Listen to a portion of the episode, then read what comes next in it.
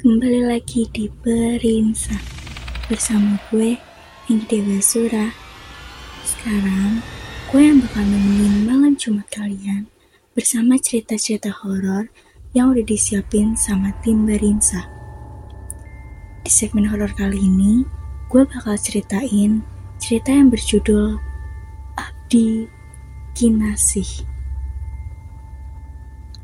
Cerita ini Gue ambil dari salah satu akun Instagram @kalong.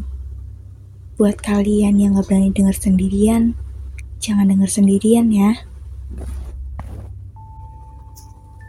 Nia kembali memejamkan netranya. Baharjo dan Bu Yanti pun segera memulai ritualnya.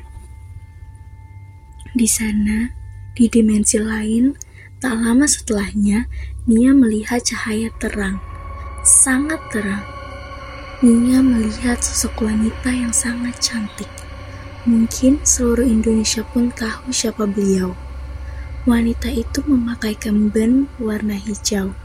Lengannya dan tangannya memakai gelang. Ada roncengan bunga melati. Persis seperti yang dilukiskan. Wanita itu adalah Nyi Roro Kidul. Namun, saat itu Nia tak dapat melihat wajahnya karena silau cahaya terang. Di waktu yang bersamaan, Mbok Siti pun panik melihat tubuh anaknya yang berubah menjadi pucat. Seperti mayat, tiba-tiba saja tubuh Nia sudah dikuasai oleh sosok ronggeng itu. Sedangkan Mbok Yanti sebagai wadah untuk Nyi Roro Kidul untuk menyampaikan pesan. Kue ngopo ganggu bocah iki? Bocah iki ora duwe dosa. Kowe ora ngerti sop aku. Jaluk cara aku sopo kasar. Ucap Nyi Roro Kidul dalam tubuh Mbok Yanti. Kamu kenapa ganggu anak ini? Anak ini tidak punya dosa. Kamu harus tahu siapa saya. Minta dengan cara halus atau kasar. Nia tak bergeming, namun ia bisa mendengar ucapan tersebut. Walaupun dalam pengaruh ronggeng. Kowe gelem lunga ora seko, ragani bocah iki. Kamu bisa keluar tidak dari raganya anak ini? Seketika Nia mengangguk, kemudian tak sadarkan diri. Biyen yondo, nasibku iki podo karo awakmu. Aku ngerti, ngopo Mbah Harjo sampai mengundang aku teko mrene. Awakmu ngrasa aku si isong nulungi. Amergo renggeng si melu awakmu iku. Tunggu lene yo melu ambek aku. Dulu, nasibku sama. Aku tahu kenapa Mbah Harjo sampai memanggilku ke sini. Kamu merasa kalau Simbo yang bisa menolongmu. Itu karena Ronggeng yang mengikutimu. Itu juga salah satunya mengikutiku. Bu Yanti menatap Sayuni ya, sembari mengingat-ingat kejadian beberapa tahun yang lalu. Nia mulai mengetahui benang merahnya. Kenapa selama Nia diikuti oleh Ronggeng itu, dia selalu melihat wajah Boyanti. Malam mulai larut. Dirasa semua sudah selesai. Nia bersama Mbok Siti berpamitan setelah mengetahui jika malam itu sudah menunjukkan pukul satu dini hari. Sesampainya di rumah, setelah selesai membersihkan diri, Nia merasa energinya terkuras. Setelah ritual malam itu, dia membaringkan tubuhnya di depan kamarnya. Belum lama terlelap, masih dalam kondisi setengah sadar, seketika pukul 2 pagi. Nia bermimpi didatangi sosok itu. Entah beliau ini Nyi Roro Kidul atau Gusti Kanjeng Ratu Kidul.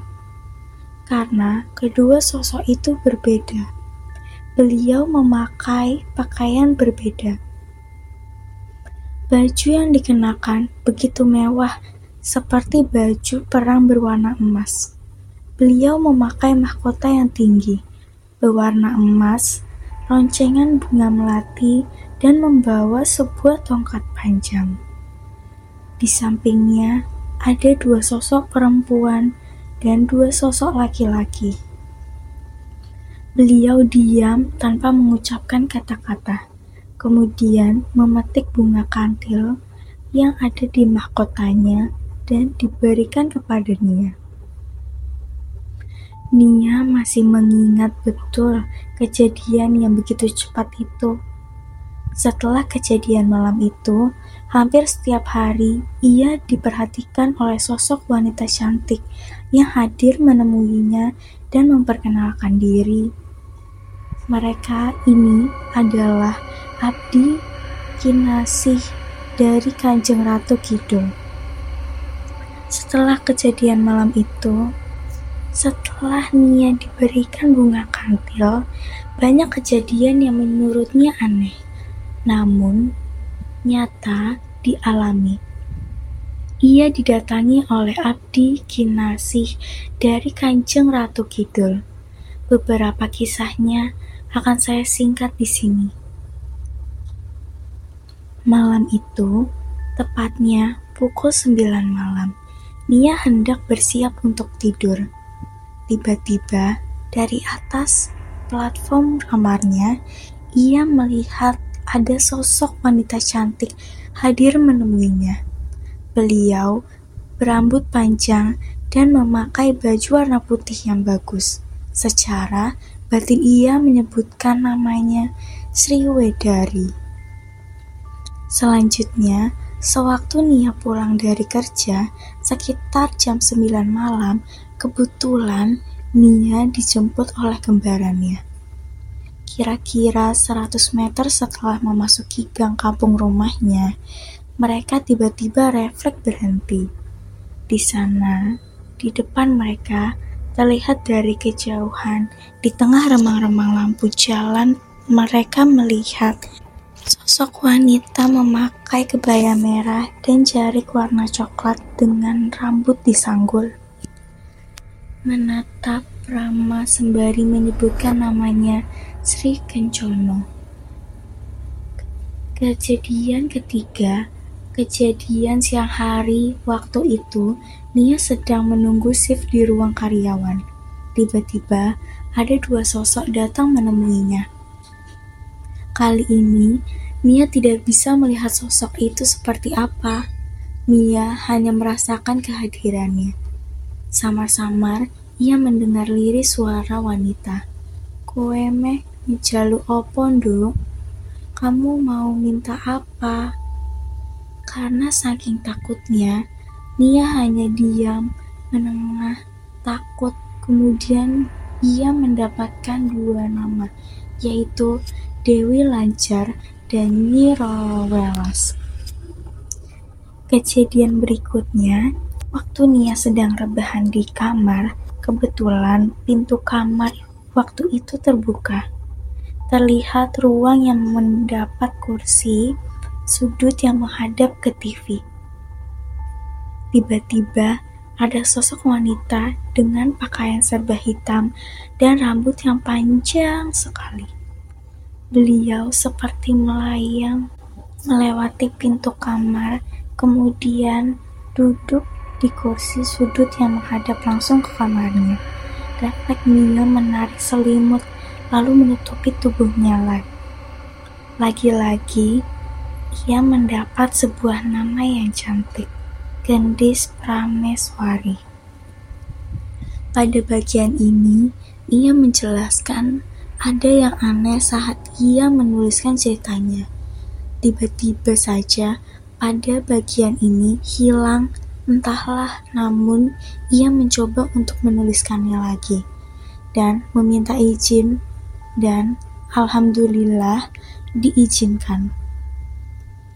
Kejadian yang kelima, kejadian yang menurutnya paling menakutkan. Waktu itu, Nia di rumah sendiri. orang-orang tuanya sedang pergi. Nia hendak menunaikan sholat asar. Ketika mengambil wudhu, tiba-tiba ada sekelebat bayangan hitam yang melintas di depannya. Nia kaget dan merasa ada hawa yang aneh, namun masih berpikir positif. Namun tetap saja rasa takutnya melebihi apa pun. Ia meniatkan untuk melanjutkan sholat di ruang TV. Ketika rokaat terakhir, ia memberanikan melirik ke arah ke kiri. Dari sudut matanya, Nia melihat sosok perempuan sedang tersenyum tipis, kulitnya putih, rambutnya panjang terurai, memakai pakaian ageman warna hijau tua. Dan yang membuat ketakutannya bertambah adalah ada badan ular yang berukuran besar sedang melilit tubuh sosok wanita itu. Sedangkan kepala ularnya sedang bersender di bahunya. Selesai salam, Nia sekelonyong-kelonyong berlari sembari menangis keluar rumah mencari Mbok Siti. Lagi-lagi Nia mendapat sebuah nama, Nyi Blorong. Kejadian keenam dan ketujuh, ketika Nia sudah hijrah ke Yogyakarta, seperti biasa, Nia sedang beraktivitas. Tiba-tiba yang datang menemuinya, namun seperti Dewi Lancar dan Nyai Roro Welas. Nia tidak bisa melihat sosok beliau itu, hanya merasakan kehadirannya Ratu Sekar Padita. Sosok kali ini berbeda dari yang lain. Beliau bukan dari Jawa, karena pada saat kedatangannya beliau memakai ageman seperti pakaian adat salah satu suku luar Jawa. Ageman beliau dari deluhur warna merah marun dan memakai ikat kepala yang berwarna sama. Beliau menyebutkan namanya Sri Sukma Dewi. Kejadian selanjutnya, kejadian belum terlalu lama, pada tahun 2019. Waktu itu, Nia sedang ada di kosan. Kebetulan di dekat kosnya ada bangunan terbengkalai, yang rumornya bangunan itu sering diberi sesajen. Beruntungnya Nia setiap ada gangguan dari makhluk halus, salah satunya Abdi Kinasih selalu membantunya. Malam itu, Nia sedang beristirahat. Tiba-tiba, ia melihat sekelebat sosok kuntilanak sedang mondar-mandir di depan kamarnya. Nia gelisah, tiba-tiba ia melihat samar-samar ada sosok yang datang. Sosok itu memakai kebaya warna merah muda dengan jari warna hijau tua yang dililitkan di perutnya. Rambutnya digelung ke samping dan berdiri menghadap arah pintu seperti sedang menjaga Nia dari sosok kuntilanak tersebut. Kali ini, sosok itu tidak menyebutkan namanya. Dan anehnya waktu itu, Nia perlahan terlelap sampai pada suatu hari, Nia mengalami kejadian yang paling menjadikan. Nia kacau waktu itu, tiba-tiba ada yang datang, tapi kali ini sosoknya laki-laki. Beliau memakai ageman kerajaan zaman dulu, berwarna emas dan memakai aksesoris kepala yang berwarna sama. Beliau duduk kemudian memberikan pesan kepadanya. Kali ini, Nia tidak bisa menyampaikan pesan itu di sini karena menurutnya rahasia. Kejadian itu terus berlanjut. Jika Nia sedang diganggu oleh sesuatu, salah satu abdi kinasi itu datang membantunya. Setelah beberapa kali ditanya kepada orang yang paham, beliau-beliau itu adalah Abdi Kinasih dan Manggala Yuda, perwira tinggi. Dari Kanjeng Ratu Kidul. Nah, mungkin singkatnya seperti itu. Kalau mau dibikin panjang ceritanya, mungkin akan memakan waktu banyak. Terima kasih untuk Mbak Nia yang sudah mau membagikan kisahnya. Sebenarnya ini menarik sekali, jadi diulas lebih dalam. Mungkin lain waktu saya ajak ketemu untuk berceritakan. Saya undur diri. Wassalamualaikum warahmatullahi wabarakatuh. Oke, segitu aja cerita yang gue bacain. Penasaran sama cerita selanjutnya? Jangan lupa buat dengerin Berinsa terus ya. Kalau kalian ada cerita horor, romance, atau random lainnya, kalian bisa DM Instagram kita at osissmkbw2. Sampai bertemu di segmen horor selanjutnya. See you.